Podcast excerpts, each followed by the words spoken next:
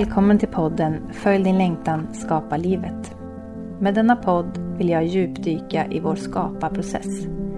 Hur vi skapar våra liv med lätthet genom att lyssna på vår inre äkta längtan. Att gå från ord till handling, även om man känner rädsla. Jag kommer bjuda in olika personer som älskar att vara i skapandet. Och de kommer få dela med sig av sina nycklar i att vara i flow och inspirera dig att ta dina egna modiga kliv i din längtans riktning och bli en superstjärna i att skapa ditt liv. Jag heter Nina Thorén, är konstnär och bor på Österlen.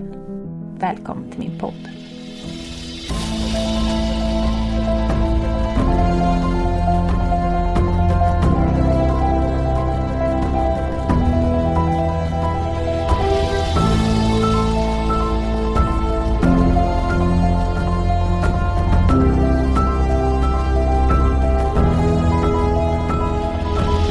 I detta avsnitt träffar du Daniel Mendoza som är författare, föreläsare, livscoach och grundare av tidningen Good News. Daniels längtan efter sitt ursprung ledde honom till hans älskade Mallorca. Och lusten till skrivandet föddes. Daniel kallar sig själv för en obotlig romantiker som genom sin starka iakttagelseförmåga kan skapa en roman ur ett ögonblick. Hans första roman, den enda, kallas av läsare för kärleksböckernas kärleksbok. Daniel vill med sitt författarskap vara en röst som stärker, upplyser och förmedlar värdefulla insikter och bidra till att forma en mer medveten, empatisk och kärleksfull värld. Vi pratar om att välja nyfikenhet och vänlighet i mötet med människor. Den villkorslösa kärleken och förälskelsen att fånga stunden. Det och mycket annat får du nu ta del av. Välkommen Daniel Mendoza till Följ din längtan, skapa livet. Tack, tack. tack, tack. Välkommen du med. Hallå. Ja, Här du, sitter vi. Här sitter vi i ditt kontor. Yes. Tittar ut. Över Västerås flygplats och fält. Har du bott länge i Västerås? ja, jo men alltså från och till, från eh, början av 80-talet. Jag kom till Sverige som flykting till Småland, Moheda. Eh, och därifrån så flyttade man oss till Västerås. Och sen så blev jag kvar. Jag hade studier på Handelshögskolan i Göteborg. Jag bodde ett halvt år. Och sen så flyttade jag tillbaka till Västerås. Och sen så började jag plugga på Handels i Stockholm. Så då flyttade jag till Stockholm. Nej, jag flyttade inte först. Jag pendlade. Men sen fick jag jobb som aktiemäklare. Och då, det var för långa dagar så då flyttade vi till Stockholm och bodde där i tio år någonting. Och sen så fick min hustru jobb i Västerås och då, då flyttade vi tillbaka. Tillbaka? Ja, tillbaka. Jag, sa till henne, jag bara, om vi flyttar tillbaka till Västerås då skiljer vi oss. Nu, har vi, nu har vi bott där sedan 2012. Ja, och ni är Ja. tillsammans fortfarande. Ja, ja, gud. ja. Mm, 25 år. underbart. Ja. Vad älskar du mer än din fru här i livet? Alltså, mina, våra barn såklart. Jag älskar ju den här stunden. Det finns saker som betyder extra mycket för mig. Min hustru, våra barn, familjen, mitt hem, Mallorca, mitt skapande, min puls. Men sen vad jag älskar mer, det är, det är så mycket. Du älskar närvaro. Ja. Jag kommer ihåg att jag och min hustru gick en sån strandpromenad på Mallorca, men barnen var med. Och de ville ner till, ner, gå liksom en trappa ner till stranden, till vattnet, det var en kväll. Satt folk, fullt med folk på så här uteserveringar. Och så sa jag till dem att men jag fortsätter gå. Så skulle de komma i fatt mig sen. Jag tror det tog fem minuter så kom de i fatt mig och så säger min hustru till mig. Såg du kvinnan? Jag bara, hon som satt ensam. Han bara, med det långa håret och de gröna ögonen bara, ja, såg den? Jag bara, ja, jag såg henne. Och då säger hon så här, jag såg henne. Så det första jag tänkte på, det där är en kvinna min man skulle vilja sitta och prata med. Och det var verkligen så, för att hon, den här kvinnan var så, hon var så långt borta i blicken. Så här, som att hon, att hon inte ens var där. Det var min, min tolkning av det jag såg. Och då tänkte jag att, fan vad vackert det skulle vara att få sitta framför henne, bredvid henne en liten stund och fråga vad är det du ser, vad är det du tänker på? Det vet jag inte om det är närvaro, men jag älskar mycket. Har du någon sån här speciell... Det här går du igång på varje gång. Du blir helt totalt uppfylld av förundran. Ja, jag har nog två. Lite, alltså, min hustru, det kan jag liksom, hon har så här små gester och saker som hon gör som hon inte ens, som är hennes naturliga sätt att vara, som hon inte tänker på. Men jag älskar att sitta och betrakta henne och, och se de här rörelse hon gör med sina händer eller när hon så här gör ett litet danssteg när hon är i köket eller när hon liksom tittar på barnen. Och, det kan jag liksom älska just och bli verkligen just att, att jag kan de här gesterna och sen eh, när, hon, när hon klantar sig eller någonting. Det, det tycker jag är så magiskt just för att det, det är så mycket en del av henne. Sen kan jag, jag, jag tycker om vackra människor och, och med vackra människor är personer, och, både män och kvinnor, men jag är hetero så, så blir jag attraktion till kvinnor. Framförallt kvinnor som bär mycket sorg i sina ögon. Samtidigt som de är ändå väldigt stolta och starka. Jag beundrar just den här, och, och, och se det här leendet och sen den här förmågan att, att kunna bära den här sorgen och ensamheten eller vad jag än tolkar i det jag ser. Och samtidigt den här enorma stoltheten och skönheten i en cocktail av liksom total. Det kan jag bli helt så att Ja, oh, det kan jag. Eh, sen, sen är det, jag älskar ju mat. Alltså jag, viss typ av mat och framförallt när jag ser att kocken, att det finns passion bakom. Jag har två ställen på Mallorca, så här sushi-ställen. Och de som gör det, först mm, min familj säger men det är ju människorna, det är inte maten. Men det är maten, maten är magisk. Men människorna bakom, deras gester och deras blickar och deras stolthet och deras naturliga sättet att vara sig själva. Det kan jag liksom sitta och njuta av i, i timmar. Ja, sen kan jag förundras av mitt eget skapande när jag är i ett flöde. Jag har aldrig testat droger i mitt liv, men jag gissar att det är någon slags ja, kick som jag får, får. Eller är i, eller brus. Eller rus kanske heter det. Gud, konstiga svar, förlåt. Ja, men jag, kan... jag tycker det är helt underbart. Du... Nej, men jag är helt... Eh, jag är helt med dig. ja, ja, förundras. Ja. Men och um, det jag tänker på är ju mycket det här att känna in människor då. Och det, är det det som du också älskar i ditt skapande då? När du väver, när du målar upp mm. allt det här i dina romaner? Yes. Ja. Det är liksom... Uh, jag får ju frihet att leka. Och, och saken är den att jag, jag betraktar människor... Jag, jag älskar att betrakta människor. Jag har gjort det sen jag var... Alltså vad jag vet, från, som min mor berättade för mig när jag var tre år. Började jag ställa frågor om beteende. Liksom, och jag var verkligen extrem på... Jag noterade allt. Allt från hur lillfingret rörde sig en person. Hur liksom den gick. Hur den gjorde vissa... Hur den tog sig för håret. Liksom. Allt var för mig en del av personens alltet. Så varenda liten detalj. Och jag, miss, jag ville inte missa någonting. Jag ville gå in på mikroskopiskt, liksom hur någon rör läppen efter det. Eller hur den, när den avslutar en mening, vad, vad, gör den då? Och så tittar jag på liksom tusen meningar senare. Ser jag ett mönster i det? Eh, när den blir irriterad, när den blir arg, när, när den hör ett ljud. Om någon kommer cyklande, så att jag står och tittar ner från vårt fönster och så ser jag någon som kommer cyklande eller gående. Och så tittar jag på hur den är klädd, vilka färger den bär, hur den går, hur den håller sin kropp, hur blicken vandrar. Och så känns det ibland som att jag egentligen tittar in i huvudet på personen i hjärnan.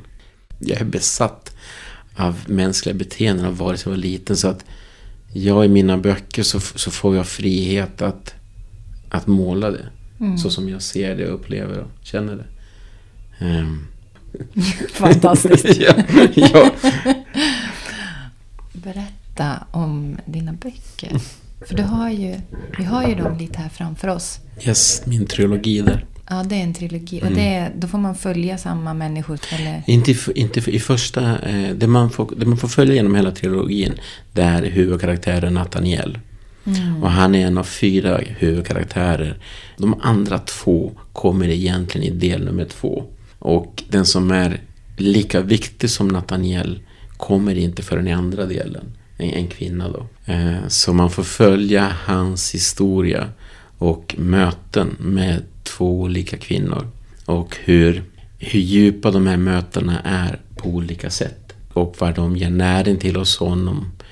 Men också från deras perspektiv. Ja, jag sitter och funderar, hur ska jag förklara? Men den första boken jag skrev, det är den enda. Det, det är debutromanen. Och den kom av ett möte jag hade med en människa. Och sen så, tanken var att den boken skulle inte ens tryckas eller någonting, det skulle vara en gåva. Och så tyckte familjen att nej, du måste, du måste trycka den här boken, du har liksom ägnat för mycket tid åt skrivande. så, så gör det. Och, och då gjorde jag det kommersiellt den enda handlar om ett möte mellan två människor. Så jag ville liksom gå tillbaka till vad hände innan det här mötet i de här människornas liv som ledde till att de här två träffades. Säg att vi leker med tanken att det finns tvillingssjälar. Och att de här två skulle vara då tvillingssjäl. Vad, gjorde, vad var i deras beteende, i deras historik? Om vi sätter ihop alla små händelser, lite den här fjärilseffekten, vad ledde det till att de här två en dag stod framför varandra? Eh, och då är det med just utifrån den här övertygelsen att allt vi gör får konsekvenser och leder till någonting. Och om vi, ju mer äkta vi är, ju mer vi är oss själva, desto mer ökar sannolikheten för att vi ändå står där vi vill vara. Eller det vi kanske alltid någonstans var menade att vara. Så då vill jag sen skapa just det här innan det mötet. Och det var del nummer två, men det hände... Saker hände. Mina böcker är ju liten avspegling av var jag själv står i livet. Eh, och jag låter nu påverka mig jättemycket. Så att jag har ingen färdig mall att, att nu ska boken vara så här. Utan bok nummer två, den skulle bli 300 sidor cirka. Jag trodde jag var klar med den. Eh, och så är det en kvinna som hör av sig till mig och vill att jag ska komma till Mallorca och vara med på en retreat. Jag hade aldrig varit på andras retreat överhuvudtaget. Men det var så otroligt fin inbjudan. Och, och jag frågade mig vad ska jag göra? Ska jag föreläsa? Hon bara, hon bara nej, kom hit, var här med oss bara. Vad fint. Ja, jag vill bara ha din ja, jag, energi Nej, men någonting så här. Och hon bara, men jag sa till henne, men jag har inte råd. Jag kan inte liksom bara ta pengar ifrån min familj för att åka på någonting så här. Hon bara, nej. Så, så swishade hon mig en massa pengar för att jag skulle komma och vara där med dem. Vilket var jätte, alltså fan, fantastiskt fin människa och otroligt stort hjärta. Men eh, när vi är där sista dagen så vill hon visa mig ett hus. Ett alltså, magiskt ställe som hon höll på och byggde. Och när jag kommer till det här huset och ser med dörrarna in, två stora dörrar. Jag tror hon köpte Makaresh eller vad det heter. Eller, någonstans i världen och fraktade till Mallorca, där, där retreaten var så inser jag att, att jag inte var klar med boken. Att jag överhuvudtaget inte ens var halvvägs. Ja, men gud vad häftigt. Eh, bara av att vara där. Mm. Så på natten när jag liksom ligger i en solsäng och skriver på dem så var det som att, nej men vänta nu, det är den här nyckeln jag behövde. Eh, och, och det ögonblicket ledde till de två delarna egentligen. Just av det ögonblicket, av det, det mötet, vad jag såg och vad jag fångade upp. Och det här, jag är super på det här att jag, jag fångar upp. Eh, och, och, det är lite som att någon, vad livet än slänger åt mig, så tänker jag, men det kan jag göra någonting med. Och det kan vara någonting negativt för, i andras ögon. Eh, det, det, kan vara ett sånt möte, vad som helst. Och så tänker jag att oh, men jag kan ju bygga magi kring det här. Där andra kanske, eller jag gissar att det kanske är så för andra, det de inte ser magi i någonting. Därför att de letar så mycket. Medan jag kan liksom, ja, men det här, det här mötet, de här tio sekunderna, den här minuten. Jag kan ju bygga en evighet kring det här. Ja. Och så gör jag det. Det är en oändlig magi. Ja, ja, ja. ja, ja. Det är, och så gjorde jag med den enda, det, det var ju ett möte på två timmar. 2013. Den, det mötet har jag skrivit en bok mm. om. Men det är ju mitt sätt att se världen på. Mm. Sen, sen, är det klart att det kan vara naivt och barnsligt och, och tusen saker. Men, men det är fortfarande utifrån hur jag ser världen. Första gången jag fick vad ska man säga, nys om dig då. Mm. Det var ju när du skapade Good News. Alltså jag älskade den tidningen. Kommer tillbaka. Åh, oh, nej. Jo, nytt nummer. Nummer alltså jag, 20. Ja, jag älskar. För jag tänker, det är ju också ett sätt att välja att se på världen. Mm. Varenda situation, alltså bokstavligen. Vi tar en sån här våldscen. Eh, där vi ser liksom någon misshandla en människa. Beroende på vad vi har varit med om. Beroende på hur vi tolkar saker och ting och det. Så kommer vi... Tio människor kommer se det här på olika sätt. Några kanske tycker att den som slår är förövaren. Andra kanske tänker, ja fast den som får stryk våldtog ett barn. Så vem är egentligen förövaren? Det kan vara så att den som slår den här personen är pappan till en liten flicka som blev våldtagen av den här mannen som ligger och blir slagen. Så, så, att hur jag ser på livet och varför jag skapar Gunjes magazine är därför att varje situation, varje händelse kan ses från olika perspektiv. Och det gäller någonstans att ge sig själv de här sekunderna eller minuterna eller andetagen till att våga se det från olika perspektiv. Det betyder inte att man inte liksom från början hade rätt. Liksom, men, men just det här för att vara fri i sitt dömande, vara fri från egot. Och lite för att, för att frikoppla från, så att inte mina erfarenheter av våld till exempel, eller att, att, att de gör att jag tolkar det här på felaktigt sätt. Därför att jag vet egentligen inte vad som händer. Jag ser handlingen men inte liksom skälet bakom det. När människor säger att ah, människan är ond. För mig är det så att människan är inte ond. Det finns individer som är så trasiga. Att, att de gör onda handlingar. Men om man, om man kollar på vad de här individerna vill. Så, så finns ju i dem en, en, en, en, en tanke på att leva gott. På att leva tryggt på, om det är nazister eller om det är rasister eller vad, liksom, vad det än må vara, så finns i dem en tanke där de vill leva ett bra liv utifrån hur de ser det. Deras synsätt kan ju såklart i det stora hela vara då felaktig eh, och dömande och vad man kan kalla på. Men om man kan gå till källan och, och hitta just det här hos den personen och säga, men vad är det du egentligen vill? Jag, jag träffade en person som många påstod var rasist. Och han en ung kille, jag var ju själv ung. Och så satt vi i en buss och diskuterade, så nattbussen och diskuterade det här. Och han hon var skinhead. Jag hade svart långt hår, kunde knappast, jag pratade inte bra svenska då. Och den här killen liksom nazist, samma ålder. Och många som sa att men han är rasist, han är nazist. Det sjuka är att ju mer vi sitter och pratar, han och jag, så märkte vi liksom att jag hade nästan hårdare tankar än vad han hade. Han, han var egentligen rädd. Men när vi liksom hårdrog vi det så han, han hatade inte andra raser överhuvudtaget. Han hade ingenting emot om en person var kines eller afrikan eller ryss eller vad den var. Det var bara det att han tyckte att så som det såg ut i samhället det gjorde honom rädd. Och han behövde hitta någonstans att vara. Och så sökte han sig till den gruppen. Vilket innebar att de som dömde honom tog sig aldrig tid att, att faktiskt lyssna på. Är det verkligen så att den här personen hatar? Eller är det bara så att den är jävligt rädd? För mig just alltså det här med Gunnar Smägelsen, det att menar, godhet, vi är extremt goda mm. som, som. Men, men, men vår godhet, du kan ju ha föräldrar som agar sina barn. De flesta, hur, jag, jag tycker våld, alltså, i synnerhet mot barn, men våld överhuvudtaget är fel. Men jag vill ändå förstå den, den vuxen som agar sitt barn. Jag tror inte att de flesta gör inte det av, av illvilja eller ondska.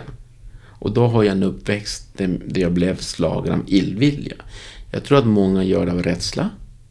Gör det för att de tror att de gör barnet en tjänst och det här barnet kan komma ut i samhället och, och vara trygg och inte bli slagen eller knivhuggen eller hota någonting eller ta droger och sånt där.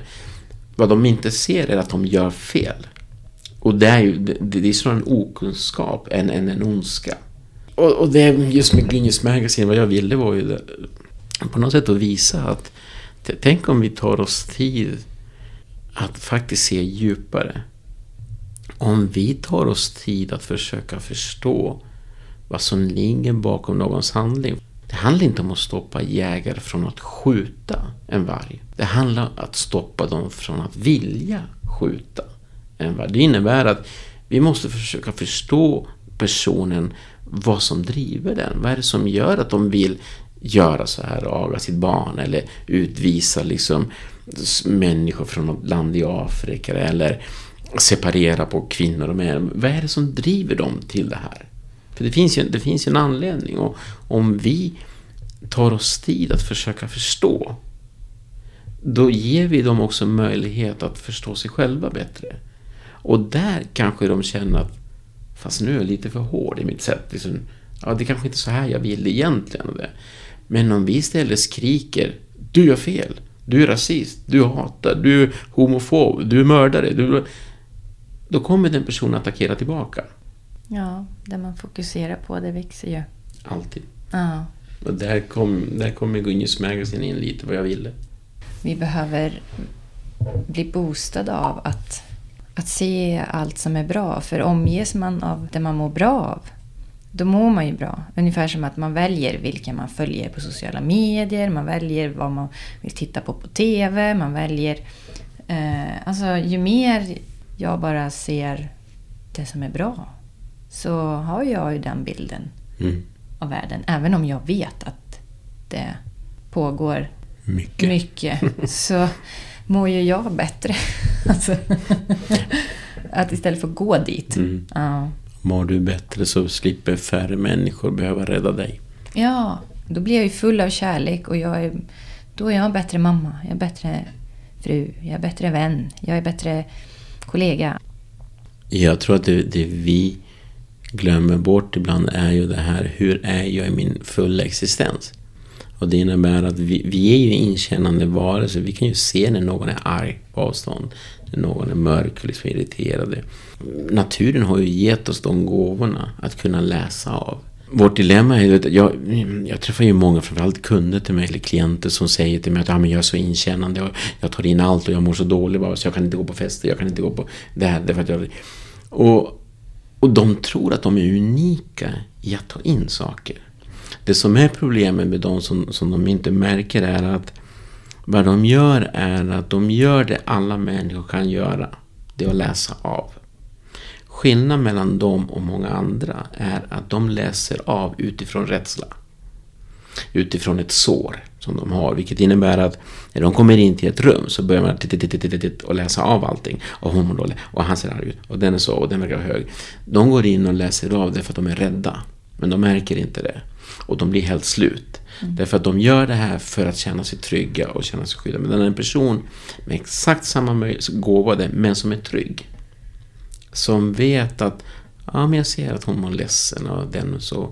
Ja, ja, men det kommer lösa sig. Någonting med det. Den kan gå in och läsa av exakt samma sak i hela rummet. Kanske till och med mer.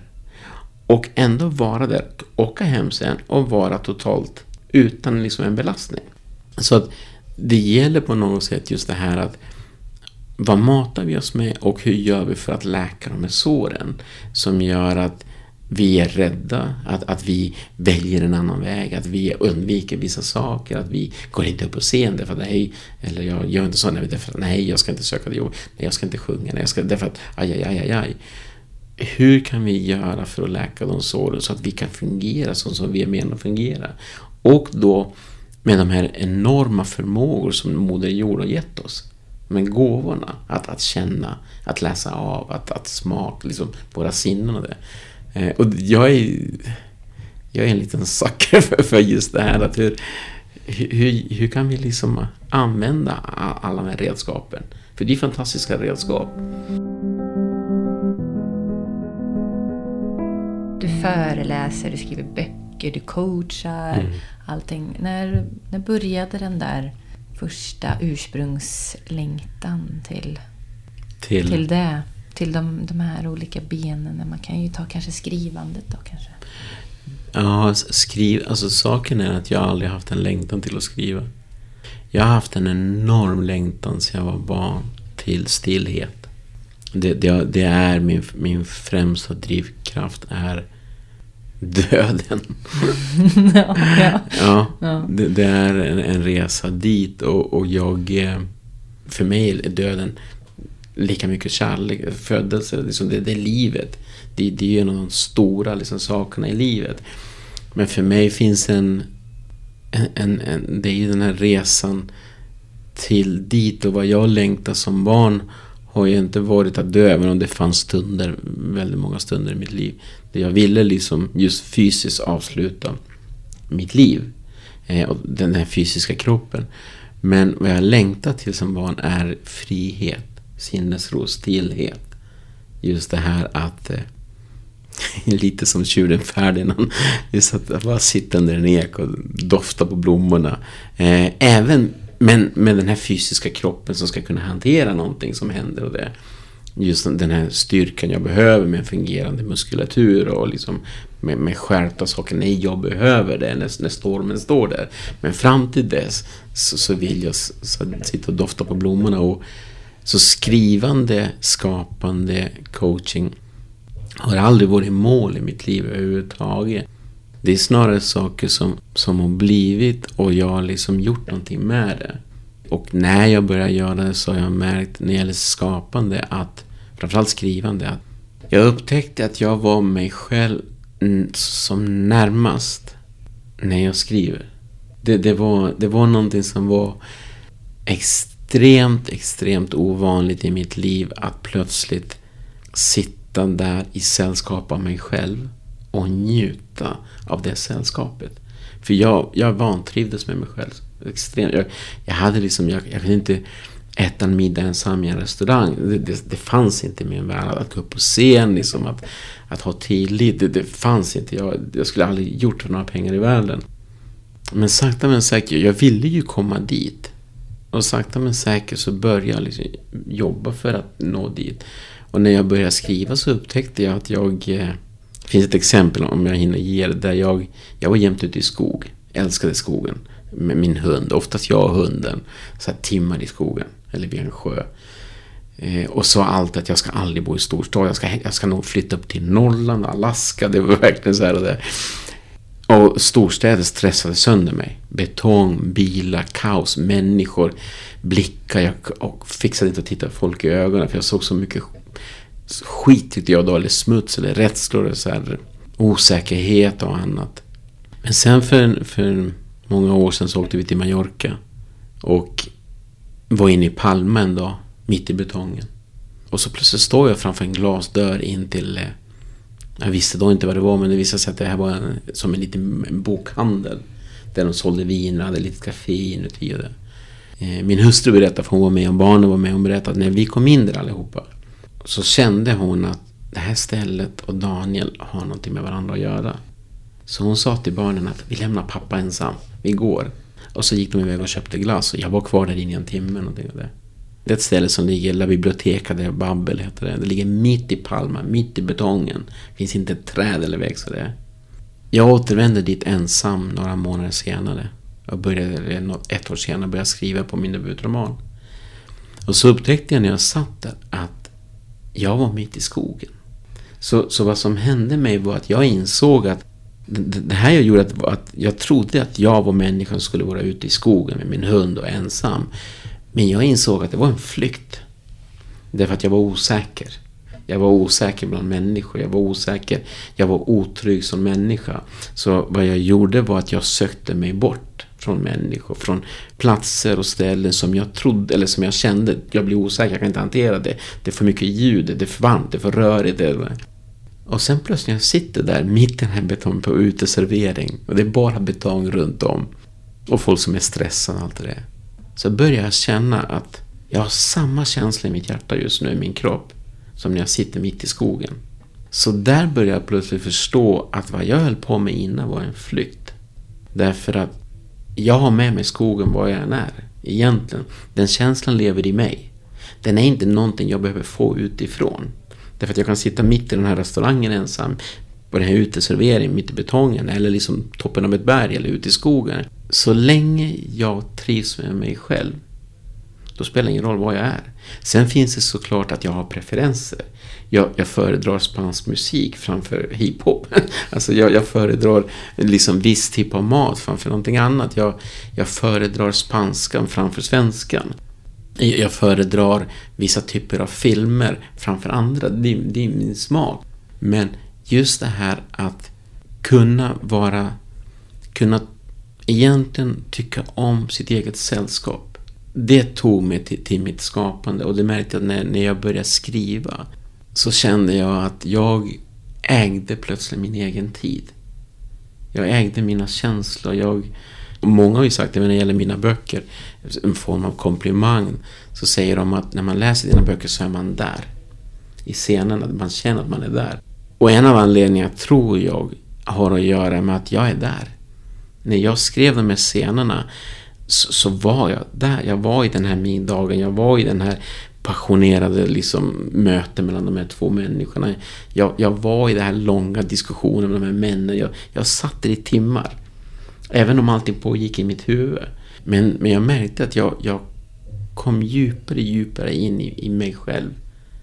Och det var magiskt. Det, det var en egoboost på något sätt. Att jag ville verkligen... Så att, så att det har blivit så. Just skrivande är och skapande, det är då jag är med Daniel. Mm. Helt och hållet.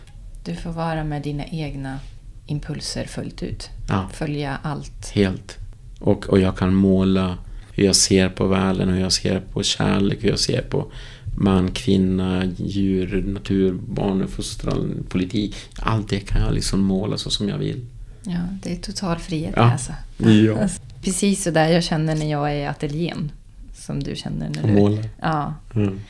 Känsla? Ja. Försvinner timmarna då? Eh, ja. ja. Man nickar ja. Men det, det, det, det är som att jag nästan inte riktigt förstår att det jag har inte hängt med att det är jag som har gjort det där som är mm. där framför mig ibland. så, så, så är det. Ja. Jag är ju nyligen hemkommen nu från Mallorca. Du har haft en sån här riktig ja. skrivarbubbla. Du har precis avslutat... Manuset. Eller, eller det ma kanske inte är, är det avslutat? Det är klart. Ja, nej, det, nej, och det är första delen. Det, det är manus, den nya roman, ja. Mm. Ja, och det, och det är lite just som du säger, hemkommen. Jag är hemma där. Ja, du, ja. du är bara här lite på besök Ja, nu. jag är på besök i Sverige för att jag, ja. jag älskar det här landet Sverige. Men det har aldrig varit hemma för mig. Aldrig någonsin. Och, och även om jag tycker svenskar är fantastiskt folk med sina brister, precis som spanjorerna har sina liksom brister och sina styrkor och landet också.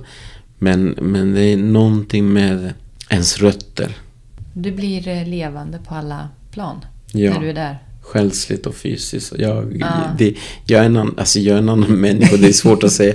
Det är svårt att förklara hur. Men jag... Eh, till exempel det här spanjorer, män. Jag, jag älskar det sättet män är på. Åtminstone på Mallorca. När jag träffar spanjorer och män från Argentina, Uruguay och Colombia. Det, det, det är ett annat sätt att kommunicera som, som inte är bättre eller sämre.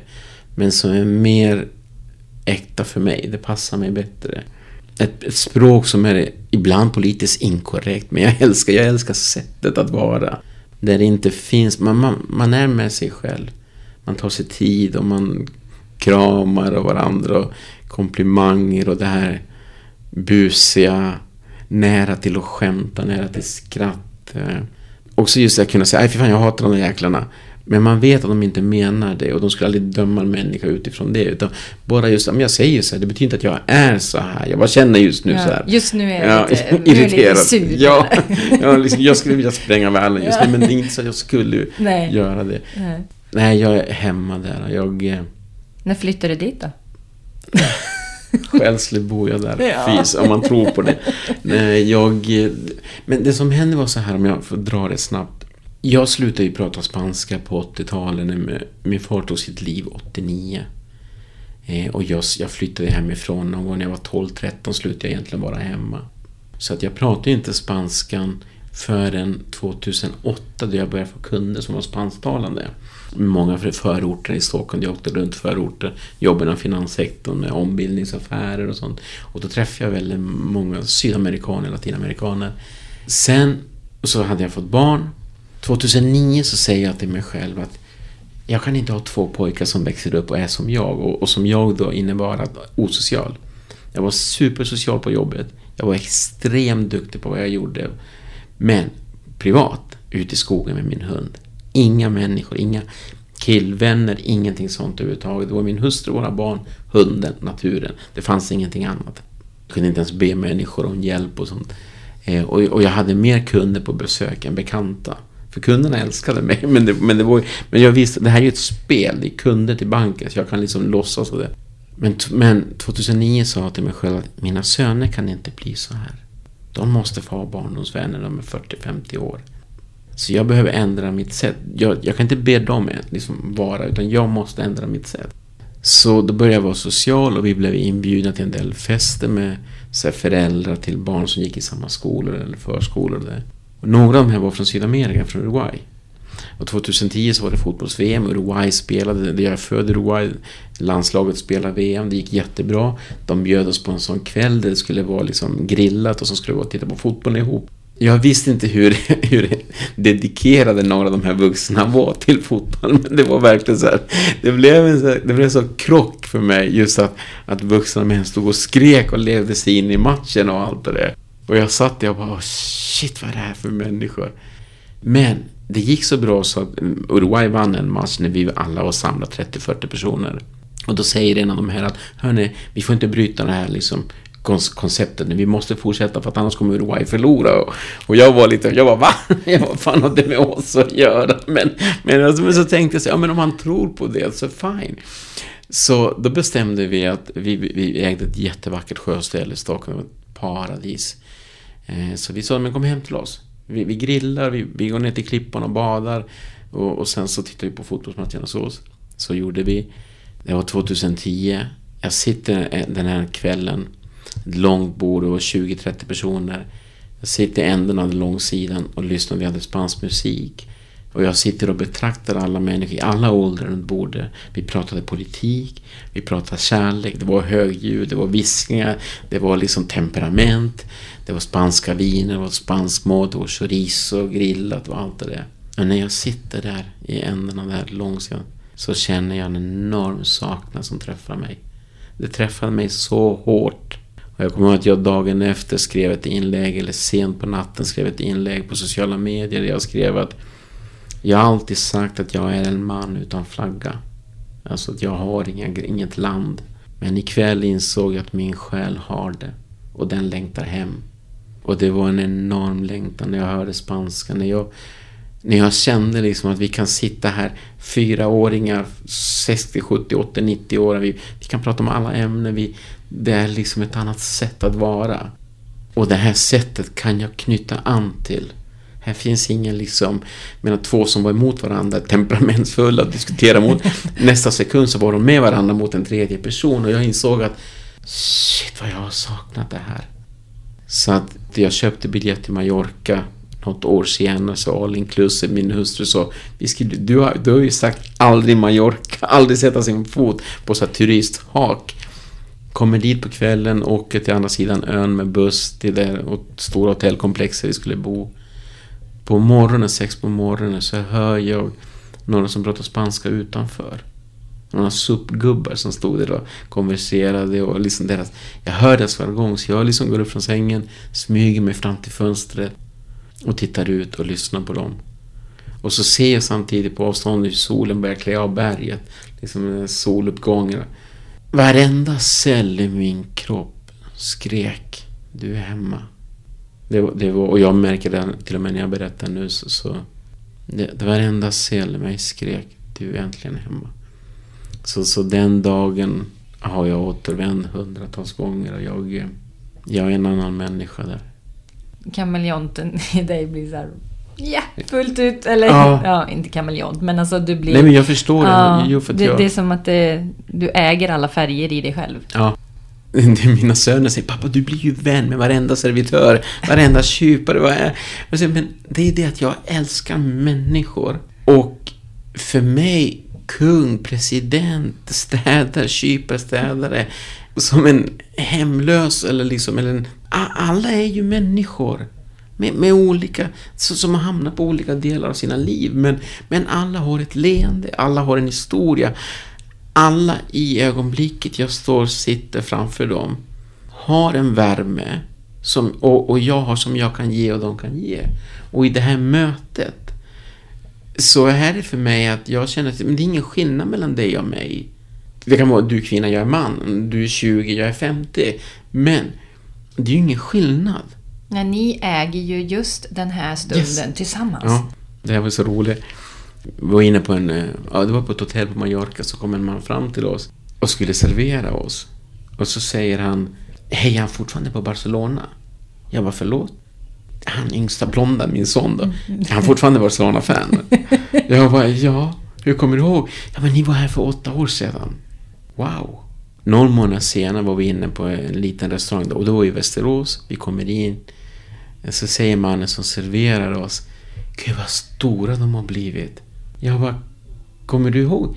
Ja, 2012, eller nej 13 var ni här. Och det här, nu pratar jag 2019, 20. 2013 var ni här. Jag kommer ihåg er. Och jag liksom, hur kan du komma ihåg? Men så har jag förstått att jag kommer ihåg honom. Såklart. Liksom. Och jag kommer ihåg att, och när han säger det, men jag förväntar mig inte att de ska komma ihåg mig. Men jag vet att när jag pratar med dem och när mina barn pratar med, eller min, min hustru är magisk på möten. Vi är ju där. Alltså vi är ju där i nuet utan dömande, utan bara med nyfikenhet och med värme och med, med, med vår, kallar för kärlek. Och det innebär att vi pratar inte till personens hjärna. Och den pratar inte till vår hjärna, den pratar till någonting djupet av vilka vi är. Och där så stannar människan. Ja, ni blir ju sammansvetsade av den stunden. Vi är ju här nu. Vi, har, vi umgås, ja du jobbar, visst du ska ta hand om, Mm. men, men, men vi är ju i den här stunden och du är liksom medbjuden Yes. med oss. Alltså, Och det är magiskt, alltså Ja. det mötet. är- Och jag, jag märker, och det är roligt att jag, jag, jag avskyr att få rabatt. Det, det, det, och min hustru brukar säga när vi går till samma ställe några gånger och de vill ge rabatt. Då säger min hustru alltid Förlåt, men Daniel kommer inte komma hit igen. Och de bara va? Nej, och ni ger honom rabatt, då slutar han komma hit. smart. Ja, och hon säger för att han fixar inte att man ger honom rabatt. Nej. Och, och det är så. Och de bara, va? Och då säger de, nej, jag vill ha din hövlighet. Jag vill ha den goda maten. Jag vill ha servicen. Jag vill inte ha rabatt. Jag vill inte ha dina pengar. Jag vill ha det jag betalar för. Och, och jag vill ha leendet. Jag vill ha närvarande. Och det häftiga är liksom att jag får det och vad jag, jag märker nu när jag börjar komma till så kaféer i Palma eller på Mallorca. De, de kommer ibland fram och ställer ett glas vin till mig. Eller en man kommer fram med en liten påse. Jag var det här? Jag har inte beställt. Han bara, nej men, eller han är 23 år den här killen. Men det är en liten gåva till dig. Jag bara, varför det? Nej men jag ville bara ge er en gåva. Så här, så här, och, och det är klart att jag, jag får alltid lämna mycket dricks på grund av det. Men vad jag märker är ju det här att om vi vågar släppa våra fördomar, om vi vågar vara nyfikna och vänliga på ett genuint sätt. När, när jag är till exempel restauranger, kaféer, framförallt kaféer, när någon kommer och serverar mig, jag reser mig alltid upp och tar emot. Och de säger alltid samma sak, nej men, jag bara, ja men jag vill ändå. Jag plockar alltid undan efter mig. Jag går alltid till kassan med, med min mugg, med min servett, vad det än är. Och det. Jag gör det för att visa dem omtanke. Jag gör det för att det är den jag vill vara. Men i det medmänskliga, i, i det, så får jag också enormt mycket tillbaka. Jag har en restaurang uppe i Valdemars, min favoritrestaurang. Eh, de brukar glömma vad jag beställer. Det är, så här, det, kan, det är mycket som blir fel.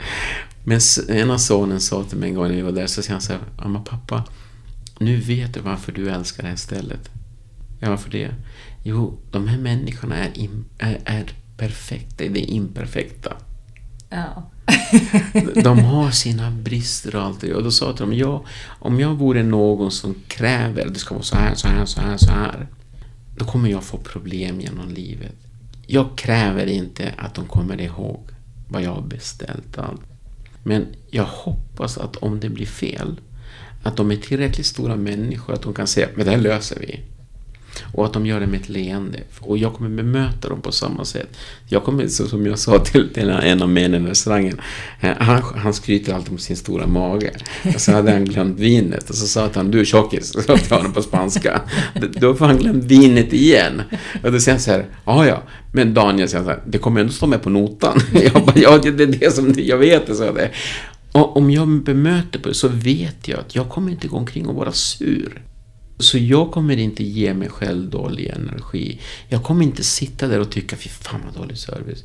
Ja, vad de gör. Nej, jag märker att det är inte deras vilja att glömma någonting. Det, de är bara mänskliga, det, det, det händer. Mm. Så, så jag väljer att bemöta det på ett sätt som, som ger mig en positiv energi. Och som gör att jag njuter mer av stunden. Om du ser, jag tänker så här, om man tittar på människor, många vars blickar ser trötta ut, gråa ut. Så stora påsar under ögonen. Jag tror, även om jag inte vet om det ens är rätt, men det är bara vad jag tror. Jag tror att mycket av det hänger samman med hur man väljer att se livet. Hur man väljer att bemöta människor, hur man, hur man väljer att se problem, hur man, hur man väljer att, vad man matar sig, som du sa. Just vad, vad matar jag min hjärna med? Allt det här gör en äldre. Eller gammal i, i förväg. Men om vi däremot tänker, ja men det finns ju problem i världen. Jag, och jag kommer möta problem. Och jag har mött problem.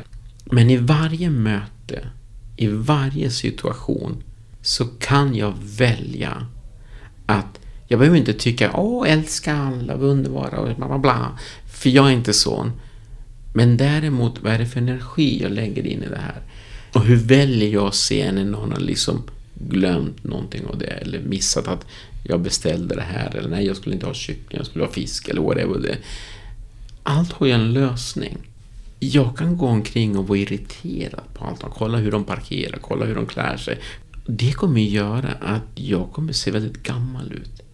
Eller så väljer jag att tycka, ja men charmigt. Mm. Liksom, det är charmigt hur de parkerade liksom. Jag kan, och sen finns sen är det såklart att jag kan se vissa saker som jag känner att, ja men det här är inte så jävla smart. Men jag tänker inte låta det belasta mig. Nej, Nej men oftast så brukar jag också gå till mig själv. Ja, ja, men ibland kör jag för fort, ibland kör jag lagom, ibland så tänker jag mig inte för, ibland är jag närvarande, ibland är jag tank... Alltså, mm att jag är ju inte så knivskarp i varenda sekund. Så varför ska jag gå omkring och tro att alla andra är så här knivskarpa i allting? Nej, tvärtom. Vi är människor. är jag bättre själv? Nej. nej, nej. Det är en superbra fråga den där just. Är jag bättre själv? Ja, eller hur. Kan du inte måla upp din fantastiska tid här nu på Mallorca när du avrundade din vad jag gjorde? roman. Ja, vad du gjorde. Och, jag skrev, åt, och, åt sushi och drack vin och stod vid grillen. Varje, jag, alltså det är så här, jag... Jag ska bara säga, det kändes som att du verkligen du var sjukt levande. Alltså, ja, du vet det där lilla som man får se på sociala medier. Ja, och det är så här, den där musiken. Men jag är det. det var så Jo, men jag är det. Och jag märker att människor... Jag, jag sa det till Marielle. Han ringde. Jag bara, det är helt sjukt. Så. Jag, jag, det kom ung, tjejer i 20-årsåldern, en mamma med barnvagn, några äldre. De flörtade. Och så, verkligen, det var så här... Så när jag kom gående, jag, det var helt sjukt. Och, och, jag sa, är det att jag själv känner mig så levande här? Och det är ju... Eh, och jag höll på att skratta ihjäl oss det beteendet. Men det som är med Mallorca och mig. Jag förklarade för min familj förra året, eller för förra året, framförallt för sönerna. Så sa jag så här. Jag är en fisk, sa jag till dem. Mallorca är mitt hav. Jag har valt att leva uppe på land därför att de jag älskar mest i livet lever uppe på land. Det är ni. Men jag är fortfarande en fisk. Och jag måste då och då tillbaka till mitt hav. För annars går jag under. Och de bara, gud vilken bra förklaring. Ja. de bara, okej, nu förstår jo, Men det är också, ja, jo, de, ja. och det är också det för att tala om för dem att min vilja att leva där, vara där, har inte med er att göra. Mm. Det, det, har med någonting bortom er. Liksom, mm. det. När, när jag är på Mallorca, jag, för det första så är jag så här, jag är jag är en extrem obotlig romantiker. jag är liksom, det, det, är inte konstigt att jag skriver kärleksromaner. Jag satt inne på ett hotellfoajé och min hustru sa till mig Varför älskar du att sitta just här? Vad är det det ger dig? Och då är det ett stort fönsterparti mot en gågata utanför på Mallorca. Och då sa jag, sätt dig bredvid mig. Från vänster till höger när man har gått utanför, förbi alla de här stora fönstren. Det tar cirka 15 sekunder. Så när jag sitter här och så kommer en kvinna som går förbi. Jag hinner på de 15 sekunderna måla upp ett liv med henne. Mm. Beroende på hur hon ser ut. Vilket skapar en scen i mitt huvud som jag sen kan skriva ner. Så de här 15 sekunderna är en evighet för mig. Och det är en evighet av känslor, av kärlek, av relationer. Så skulle hon komma fram till mig efter 15 sekunderna och säga någonting, då skulle jag tyvärr, det är slut mellan oss. det, det tog slut vid 12 sekunden. Men, jag har redan haft det. Det, det var bra. Liksom, det var men, jättebra, men, nu är, men nu, nu, är det nästa. Nej. Och, och, och, det är lite det här att jag, jag föddes in i våld. I, i extrema former av våld och övergrepp. Det var mitt liv tills, tills tills jag var 24 år egentligen. Men som barn, för att stänga av det här våldet, skriken, allt, så, så lärde jag mig liksom att leva. Jag skapade en fantasivärld som var mitt hem, egentligen. Den här gåvan tog jag med mig in i vuxenvärlden. jag, kommer att, jag, jag, jag har ju några barnböcker jag håller på att skriva som är sagor jag berättar för mina söner under nio års tid. Det jag varje kväll nästan, eller några kvällar i veckan, hittade på. Men jag byggde på den här berättelsen. Den ena är Djungelflickan och sen en berättelse om Lilla vargen och Stora björnen. Då, två kompisar, urinvånare, hundratals år tillbaka i tiden. Ba, eller Marielle, min fru, frågade, och båda sönerna ändå, vad är det för skillnad mellan när jag berättar sagor och när pappa berättar sagor. Och hon berättade för mig, hon bara, den äldsta sonen Leon, han hade tittat på henne med så stora ögon och bara Mamma, när pappa berättar sagor, då han är där. och då är vi där och du vet mamma, han, han kan, han ser skuggan av, ett, av en örn liksom mot bergen och han känner hur gräset rör sig när det blåser och det. och det så, så, att, så att jag tog den här gåvan, vad jag lärde mig som barn för att överleva mentalt och själsligt. Att skapa min egen värld. Det tog jag in i vuxenvärlden. Så alltså det här obotliga romantik. Jag, jag, alltså jag är fullständig, när jag är på Mallorca, där det är okej okay att vara så här. Det var, det var som en, en, bara för några dagar, dagen innan jag åkte till, tillbaka hit till Sverige, så jag är inne på en restaurang, jag är oftast där, och så står jag, jag sitter vid baren, så här fyra, tre kockar och två servitörer som står bakom och de pratar med mig. Och en av dem säger att din spanska är så vacker. Så är det hur du pratar det.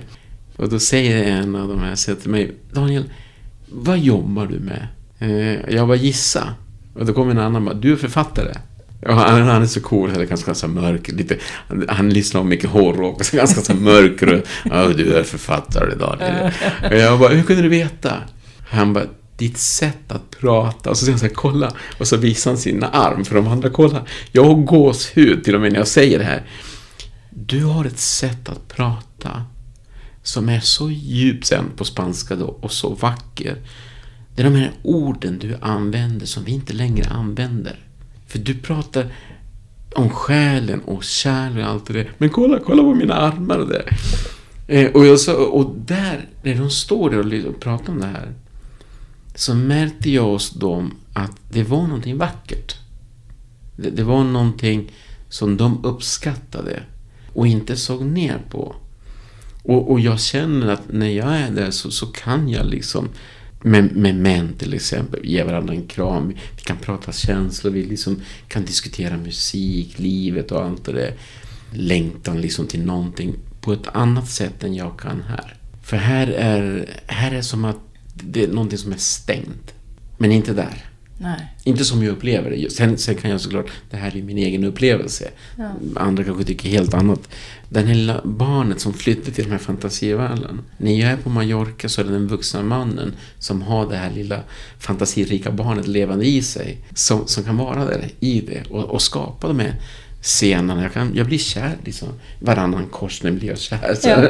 ja, men, och så, så skriver jag, att jag, jag skrev, fan, tycker jag i alla fall, egen självgod, men jag skrev en fantastiskt vacker dikt. Återigen, nu, nu är jag självgod. Men det som hände var att jag kommer till trafikljus på Mallorca en kväll. Jag är på väg till det här biblioteket i Babel för att skriva. Och det blir rött och så står en, en taxibil precis där. I baksätet sitter ett par. Kvinnan, man och kvinna, kvinnan tittar på mig. Så jag möter hennes blick och jag blir så här, shit vad vacker. Och hon ser mig och sen så tittar hon ner och tittar bort. Verkligen så här, lite generande. Precis när hon ska börja åka så tittar hon igen mot mig och ler. Och jag ser den här bilen försvinna bort och bli mindre och mindre liksom i horisonten nästan tänkte jag säga, romantiskt i mitt huvud. Men jag blev kär där i det ögonblicket. Det regnade så jag går och sätter mig under någonstans i en bänk med en tak över och så skriver jag en dikt. Eh, och jag tror att den titeln var Evigheten i ett ögonblick. Det finns människor som bygger vindkraftverk och hållbara lösningar för förnybar energi och utbildar sig till kirurger för att liksom rädda barn och, och, eller veterinärer eller vad de än gör. Och jag gör det, jag gör det. Ja, och det är helt fantastiskt. Ja, det, alltså alla, alla har ju sin, sina olika gåvor. Och varför inte bara göra det fullt ut? Så tycker jag. Ja. Det är, ingenting är ju som du, som du nämnde, ingenting är ju bättre eller sämre. Nej. Men tänk mm. hur, hur världen skulle se ut. Jag, jag, vad heter den här mannen? Peterson? Jan Peterson, vad heter han? Någon som är jättekänd som pratar mycket om så här, kvinnor och män och bla bla. Och han säger någonstans det här att ja, men män dör mest och män är mest hemlösa och män eh, dör tidigt och eh, män, det är bara en liten procent av männen som äger så här mycket. Bla, bla. Och i den här diskussionen så glömmer han bort att men vänta, men det är ju samtidigt vi män som har skapat de här samhällen. Så, så vi är ju orsaken till krigen. Vi är orsaken till att det bor fattiga på gatan. Vi, vi, vi är ju orsaken till att människor svälter. Vårt sätt att tänka hur ett samhällssystem ska vara. Och jag hade funderat, hur skulle samhället se ut om varje individ fick fritt ut kunna använda sina gåvor, sin förmåga, vad den tycker om och låta det blomma. Om det sen är att bygga en träbåt eller skriva eh, romaner eller vara kirurg eller bygga hus eller laga mat eller liksom ta hand om barnen, vad man än vill göra i livet. Att fullt ut kunna dedikera sin tid till det. Hur större skulle vi vara? Hur storartade skulle vi vara? Och hur, hur mycket vackrare skulle världen vara? Men det är ju kanske en utopi, men det är romantiken i mig som börjar tänka högt igen. ja, men, oh, det, det, ja, nej men det, jag, tror, jag tror ändå det känns som att det är ett skifte. Många går mer inåt, många känner efter mer, många reflekterar. Det är min uppfattning. Jag tror att i långa loppet gör det att folk tar mer medvetna val med sig själv. Med det man vill och drömmer om och älskar och gör mer av det. Vad är det långa loppet? Vad pratar vi om för tids? Ja du, kanske inte när vi bor här. Nej, nej. Jag tänker två, tre tusen år framåt. Ja. Eh, jag tror att någonstans då jag, jag sa till min, min förra, min chefredaktör för Gunjes Magazine, hon, hon, hon, sa jag är feminist, sa hon alltid till mig. Och jag sa alltid jag är inte feminist. Och hon bara, du, jag vet ingen, du är superfeminist. Jag bara, det är jag inte alls, verkligen sådär. Och hon bara, berätta, jag, jag vill inte ha 50-50. Så här. Hon bara, va? Nej, jag vet inte, det ska vara 50-50 män och kvinnor. Och hon, hon bara, okej, okay, så hon blev lite irriterad och provocerad. Och hon bara, berätta. Jag bara, jo, jag, jag skulle vilja att i 2000 år eller 4000 år så är det 100% kvinnor. Jag vill inte sätta mig i en bil där kvinnan får köra, men det är mannen som har byggt bilen. Och jag vill inte åka genom samhällen där hälften styrs av kvinnor. Jag vill åka i samhällen som kvinnor har byggt. Jag vill se hur den världen där kvinnor 100% fått möjligheten att påverka allt utifrån hur de vill att det ska vara. Och att vi har det här i 4000 år. Sen sätter vi oss ner, män och kvinnor. Och så tar vi det bästa från båda och gör någonting. Då, mm. och då kanske det blir så, så, så att, att det kommer vara 100% hur kvinnorna vill ha.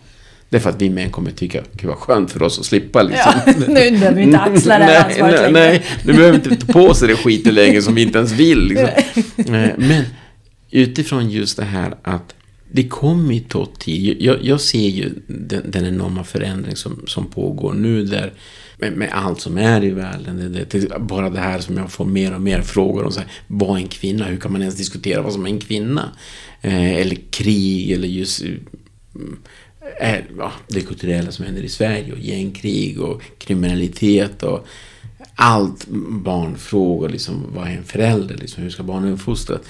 Och jag märker hur det blir samtidigt som vi söker oss till någonting djupare så börjar mer splittras sönder. Jag ser det som, som många, till exempel när Trump blev president var det många som blev livrädda. Och jag var så men varför? Ja, men det är Trump, det är tredje världskriget. För först kommer det aldrig bli tredje världskrig. Liksom. Men vad är det för fel att en sån person får makt? Vi behöver ju människor som, som han som får makten för att se vad är dåligt och vad är bra. Och det innebär att de goda krafterna, om det nu finns någonting sånt, behöver faktiskt fundera på varför blev det så här? Och, och, allt det här så, det är ju en del av utvecklingen. Jag kan inte liksom, om vi ska tysta röster för att utvecklas, då utvecklas vi inte. Utan snarare sakta men säkert behöver vi den tiden. Precis som ett träd, om du planterar ett träd där, där det blåser mycket så kommer det klart att det finns en risk att det här trädet åker omkull. Men för varje år så växer stammen sig kraftigare och kraftigare och rötterna kommer gå djupare och djupare. För ju hårdare det blåser till slut så kan inte det fälla det här trädet. Men om vi inte ger trädet chansen att möta de här stormarna då växer sig trädet aldrig starkt. Mänskligheten för mig är på samma sätt och där känner jag att ja, men 2000 till 4000 år om vi kan börja skifta till att hur vill ni kvinnor ha det? Och, och jag känner någonstans i mig att jag vill inte ha 2-4 tusen år till där, där det är fortfarande männens, vad vi har byggt, nu säger jag männen, men det är klart kvinnor var men, men, men det är det som styr och så ska kvinnor på något sätt få det att funka, funka ja. i det. Ja, det. det. det. är någonstans som att, som att jag är en apa och du är en elefant och jag bär dig komma upp och vara här uppe på trädet. Ja. Du kommer hela ditt liv känna att men någonting men, är ju fel. Ja, jag, jag, får inte till det, kvittar hur jag än håller hur, på. Hur jag låter, hur, jag, får det. Och, och då är det så därför att, nej men vänta nu, du ska vara där nere, det, det här är ju fel för dig. Mm. Och, och, för mig är det när jag säger så här, men 2 till 4 tusen år, det, det tror jag nog är rimligt. Och, och, det är också ganska skönt. Ja, vi kan släppa det lite. ja.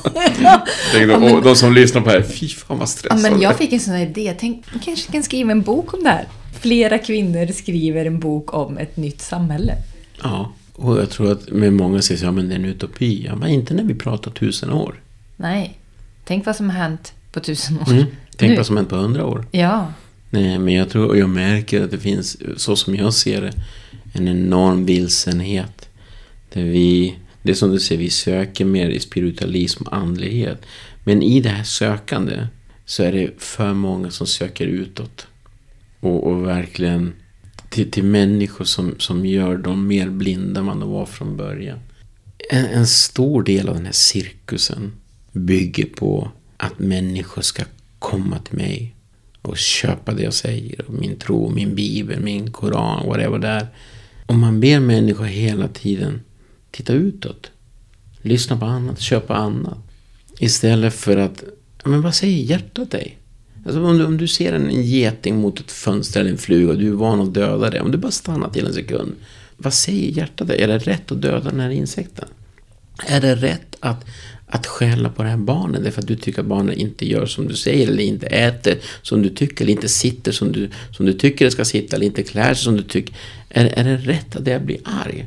Är det rätt av dig att döma den här personen fast du inte vet bara för att det står så i en blaska som VLT eller Aftonbladet? Eller, eller säger ditt hjärta dig att nja, jag måste nog tänka om. Och jag tror att om vi lär oss att, att fundera ett varv till, att, att ge oss sinnesro, att skapa fred inom oss själva.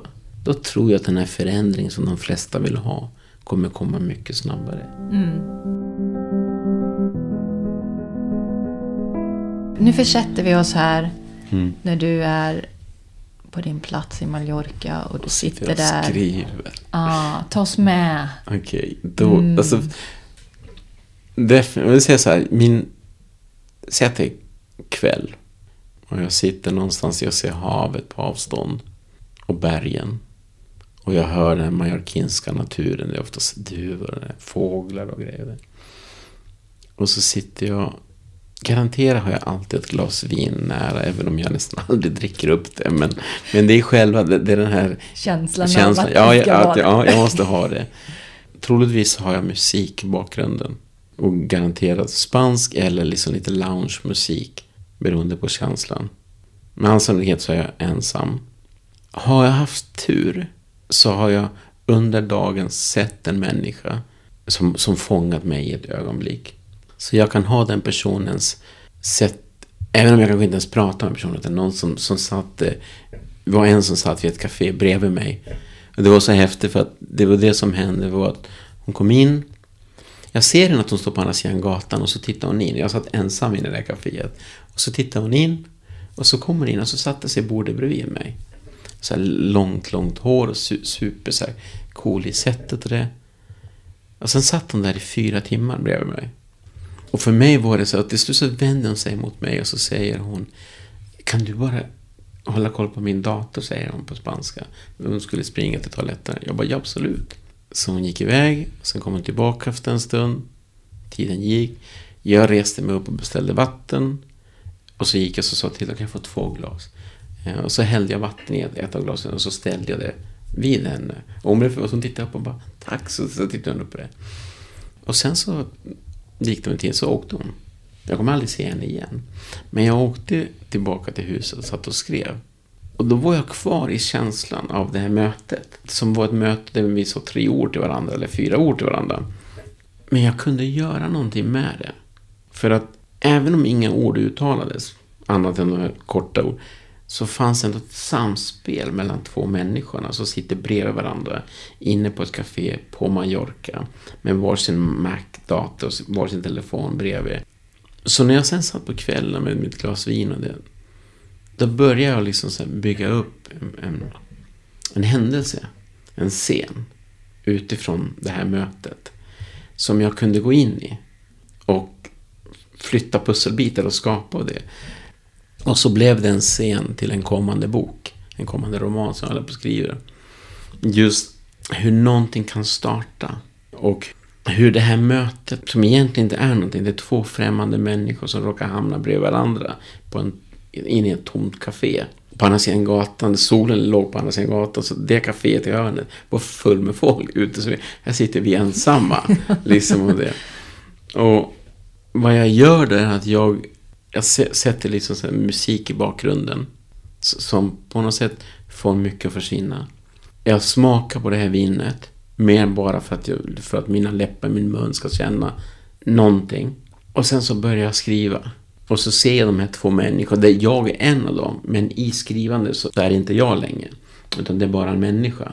Och så börjar jag leka med hur de känner saker för varandra. Men de vågar inte säga, de vet inte hur de ska göra. Men när de sitter där så märker de att det finns en koppling mellan oss två. Och han älskar hennes hår och utseende. Och hon kanske lockas av hans vänlighet eller någonting annat. Och just det här att hur, vad är det som händer då? Vad kommer att hända? Kommer han att prata med henne? Kommer hon att prata med honom? Och så börjar jag måla upp hur han faller för henne. Men han vet inte vem hon är. Utan han faller för en bild som han får av hur hon rör sig, hur hon sitter, hur hennes hår ser ut, hur, hur hennes röst låter, hur hon liksom använder sin telefon och hennes fingrar och det. De knappar på liksom tangentbordet. Så då satt jag där uppe i huset uppe i bergen på Mallorca och var inne i den här scenen. Så jag gick tillbaka till några timmar innan det hade varit. Och det är lite mitt, det är mitt skapande. Och sen kan jag därifrån nästan garanterat att skriva en roman. Den där första lilla ja. mötet. Jag har en roman som, som i huvudet är helt färdig. Den bygger på att jag sprang in en kväll för många år sedan in en kvinna. Jag skulle iväg och skriva in i Palma. Jag råkade spela, eller om vi sprang in i varandra. Och jag säger förlåt och hon bara förlåt och sa på spanska det. Och sen så var det inget mer. Verkligen inget mer. Men jag hann tycka att, åh vad vacker. Här. Men sen, var, sen försvann vi bara. Tre månader senare, eller sex månader senare, så springer vi in i varandra igen verkligen in i varandra igen. Och återigen. Och då blev det lite så här. Men också samma sak. Förlåt, jag, jag är min egen lilla värld. Så var någon av oss som sa. Sen gick det ett år. Jag kommer att jag, min hustru och barnen satt någonstans. Eller de var inne och tittade på något. Jag skulle beställa glass eller vad. Och jag sitter med min mobil. Om det var en bänk eller en stenmur. Och så är det någon som går in i mina ben. Där är hon igen. Tredje gången inom loppet av typ två år. Och jag berättade för min hustru just att det är tredje gången. Och då sa men du borde, varför bjuder du inte på en kopp kaffe eller någonting? Så där? Men jag har en roman i mitt huvud som heter I evighet, i, i nuet älskade han mig. Jag har hela romanen klar nästan i mitt huvud. Och den bygger på att de här två människorna, då är det inte längre jag, de springer in i varandra så tre gånger. Fjärde gången säger han till henne att kan vi inte ta en kopp kaffe? Så de tar en kopp kaffe som är 20 minuter, 30 minuter den gången. Och hon säger till honom, för att han har en relation och hon har en relation och de är superlyckliga i sina relationer. Så hon säger till honom, men nästa gång du är i Palma, hör av dig.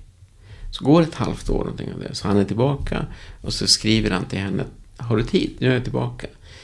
Så ses de igenom en kopp kaffe. Men den här gången är det 40-50 minuter istället för 30. Och så går det ett tag till och ses de igen. Och den gången är det en och en halv timme, två timmar. Sen har det gått tio år. Så har de här mötena blivit två dagar, en vecka. De är fortfarande lyckliga där de är i sina liv. Men det är någonting när de träffas. Det är just någonting precis i nuet när de är där med varandra. Som allt annat försvinner för dem. De vill inte byta bort sina liv. Men de vill inte heller bli av med, med vad de ger varandra. Så de här minuterna blir till veckor ibland tillsammans. Och då händer det saker. Och, men titeln är att i nuet älskade han mig. Och bygger just på det här att det fanns äkta kärlek mellan dem. Alltid när de sågs. Och alltid det så gav de varandra någonting som de inte fick någon annanstans. Och som de inte sökte någon annanstans. Utan det här hade kommit av att de, någonting pushade dem till att springa in i varandra. Och vad de gjorde till slut var att, men låt oss ta en kopp kaffe. Universum vill att vi ska... Ja, någon universum vill att vi ska fika eller, eller att Daniel ska skriva en roman. Ja, Någonting. Så, ja, men, den här, ja, när kommer den då? Nej. Ja, två, ja, två år hoppas jag. Alltså mitt stora dilemma är att jag har inga resurser. Så att jag, jag, jag är den här fattiga skaparen. Så att det blir väldigt mycket, men när jag får ihop lite så skriver jag lite. Mm. Sen har jag som jag gör nu, den här scenen i kaféet. Jag, jag sparar ju på alla de scenerna. Så jag bygger och bygger. Så att jag har ju jag har ju över tusen texter. Oh. oh. wow. Ja. Jag vill ju någonting med mitt skapande. Men jag vill samtidigt, vad jag önskar att det finns ett budskap. Jag vill inte producera saker bara för att. Jag vill att platserna ska finnas. Jag vill att händelserna ska, ska ha inträffat. Jag vill att det finns en, en, en sensmoral. Mm. Ett, ett budskap, vare sig man gillar det eller inte. Och det, det måste på något sätt handla om hur jag ser på livet. Och, och det är så självgod återigen, min, min, mitt så här, stora ego. att Det är min frihet. Så här ser jag på världen. Så här ser jag på kärlek. Så här ser jag på relationer. Och jag har gett mig friheten att skapa det. Sen är, sen är det upp till varje person om de vill köpa det eller inte. Men i alla mina romaner, ja, det finns en roman som inte kommer ha det. Men de flesta romaner, ska jag istället säga, så bygger det på händelser från mitt eget liv. Antingen uppväxt eller, liksom, eller relationer jag har haft, eller möten jag har haft. Eh, uppväxten är väldigt mycket och där är också lite därför att jag jag håller på, på att skapa någonting som utifrån den jag är och vill vara och försökt att vara och vad jag har upplevt. Och då innebär det att jag går till min egen, mitt eget liv. Min, mina egna värderingar, min, händelserna liksom, och jag tar därifrån material för att skriva mina romaner. Precis som i trilogin, andra delen, där jag åker den här retreaten och ser de här dörrarna. Så att jag, även om jag har fantasin att kunna skapa vad som helst, så känner jag att än så länge så vill jag att det ska finnas en koppling till författaren själv. Jag vet att en dag så kommer, om jag lyckas, det vill säga att jag lyckas med mitt skapande och, och folk vill på något sätt syna de här böckerna eller kritiker, då vi säga, ja det fanns hos Daniel en längtan tillbaka till sin barndom och man kan märka hur han bla bla bla och jag vill att allt det ska komma. För att jag ger de personerna den näringen och det ju. Men, men det handlar framförallt mer om värderingar och mm. sensmoralen och just det här hur, hur behandlar vi varandra i en relation? Vad är kärlek? Vad, vad är att älska varandra? Vad, vad, vad är att älska någon? Egentligen. Därför att det konceptet vi har idag bygger på äganderätten. Vi äger varandra, vi älskar inte varandra. Så, så, det jag diskuterar mycket i mina böcker är ju det här att hur, hur kan du påstå att du älskar någon om personen måste vara, klä sig, agera, tänka, prata, säga saker på ett sätt för att få din kärlek? Då älskar ju inte den personen. Du älskar ju bilden du har och vad, och vad du gör med, mot den människan är att tvinga den att spela någon för att få din kärlek. På samma sätt barn tvingar sig själva för att få föräldrarnas kärlek, vilket är idiotiskt. Liksom det. Så, så där pratar jag mycket i mina böcker att den sanna kärleken är ju det här, jag älskar dig i din existens. Det innebär min hustru, hennes tillkortakommande, som jag sa, jag, jag älskar ju lika mycket hennes brister som hennes styrkor. Lika mycket. Därför att båda är ju hon. Det är ju det. Och om, och om några av hennes brister skadar mig eller någonting av det så känner jag att ja, då talar jag om det för henne. Eller så är jag stor och stark nog att kunna hantera det. Därför att det här är ändå en del av henne. Och för mig blir ju det här, det, det som jag saknar mycket idag av det jag ser, så behöver inte det vara sant, men min tolkning är ju att jag saknar den här sanna kärleken där en människa är älskad av någon annan den lever med för hur den är. Ja, det här villkorslösa. Villkors, det är för att du är du. Min hustru hon har så här gråa hårstrån och hon hade ju långt, långt hår när vi träffades. Liksom med risigt och hon säger ibland det är som svint och säger hon ibland. Och, och så har hon sina gråa hårstrån. Och jag tycker att det, det är annorlunda men det, det är ju lika vackert. Därför att i det här så finns också tidens tand. Och jag har fått uppleva den. Jag, jag är den mannen som har fått äran att följa det här, de här 24-25 åren och, och se den här förändringen i henne. Hur hon börjar gå in i klimakteriet liksom, och vad, vad det händer med henne som kvinna. Så, så för mig blir ju det, jag älskar ju henne i hennes existens. Det är klart att jag uppskattar att hon kan visa mig sin kärlek och uppskattning. För det betyder någonting för mig. Men jag kommer ju älska henne ändå. Den dagen hon dör kommer jag fortsätta älska henne. Om hon kommer fram till mig en dag och säger att jag känner ingenting för dig längre och väljer att gå vidare. Jag kommer inte sluta älska henne för att hon går vidare. Jag är inte beroende av hennes bekräftelse och närhet för att älska henne. På samma sätt som den dagen mina barn flyttar hemifrån och blir kära i någon och skaffar familj. Jag kommer inte sluta älska dem för att de plötsligt liksom inte har tid för pappa längre. Och den kärleken beskriver jag väldigt mycket i mina böcker. Men såklart, sen är jag den här romantiken och passionen och liksom att det måste ju till. Den, mm. den här lilla, kallar för kryddan i en relation, elden och det. Men allt måste ha en, en källa som är det villkorslösa kärleken. Att, att älska därför att personen finns. Inte för vad den ger mig. Och jag tror att den människan som kan hitta en sån kärlek och kan känna sig älskad på det sättet, den, den ger en enorm rikedom. Ja. Och kunna älska så. Om du fick säga något till dig själv som ung, vad skulle du vilja säga till honom då? Åh, vilken bra fråga. När allt kommer att lösa sig. Det skulle jag vilja säga till honom. Jag har tänkt jättemycket på den pojken. Just hur, hur fan han fixade en del saker. Men jag skulle vilja gå tillbaka och viska i hans öra. Att allt kommer att lösa sig, ge inte upp. Mm. Om vi vill ha mer av dig nu då Daniel, vart hittar vi dig? Ja, ja alltså, min, jag skulle rekommendera min hemsida. Mm. För, för det är källan där man landar och sen där hittar man på sociala medier via den. Så om, om jag får säga så är det danielmendoza.se och därifrån så hittar man mitt Instagram och Facebook och mina böcker, blogg, även till min podcast och allt. Annars är det egentligen mina böcker. Framförallt romaner, därför att jag, allt som vi har pratat om egentligen ju. Alla frågor den kan ställa om min historia eller vem jag är eller hur jag ser på världen och livet och allt det där har jag bakat in i mina romaner. Det är, och det är lite därför att jag, jag kommer ju dö. Alltså sett, sett till planeten, det är ju snart. Så snart är jag död. Och, och, och, jag, och där har jag tänkt att mina barn och barnbarn, förhoppningsvis barnbarn en dag, kommer aldrig någonsin behöva undra vem var farfar.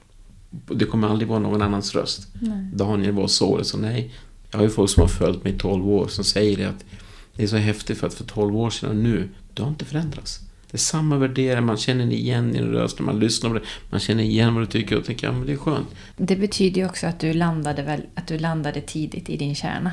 Att du, land, att du liksom hade den där Ja. självkännedomen och självkänslan att lita på din intuition. Och det du kände och det du tyckte. Alltså jag tänker att det... Ja, ja, ja, ja, att den det- kärnan liksom var redan då tydlig för dig. Supertydligt. Ja. Men det som, det som har varit svåra som är för alla, det är ju det här att, att veta och att göra. Mm. Till exempel att, att veta att ja, men jag vill inte vara taskig mot min flickvän.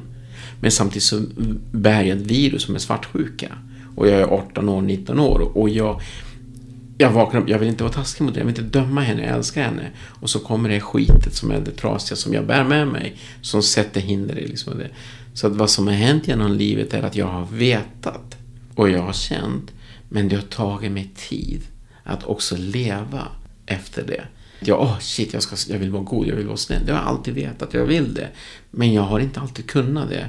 Därför att mina förutsättningar och de möjligheterna har inte funnits där. Men det är egentligen på senare år, eller senare delen av mitt liv hittills, som jag har haft lättare för att leva också efter det. Jag brukar säga att jag har 30-40 år till. Igår sa jag till en, till en klient att ja, men om 40 år då tror jag nog att jag kommer tycka att ja, men jag är nog nöjd. Då, då får jag nog till det där. Jag får till det. som, som jag vill. Ja, så fint Daniel. Alltså, Tack. tack. för den här stunden med dig. Mm. Tack för att du lyssnar på Följ din längtan, Skapa livet-podden. Är du nyfiken på mig och min konst? Konst som vill lyfta en känsla av längtan, ursprung och urkraft. Allt hittar du på min hemsida ninatorenart.se. Så fint att du har hittat till min podd. Vi hörs!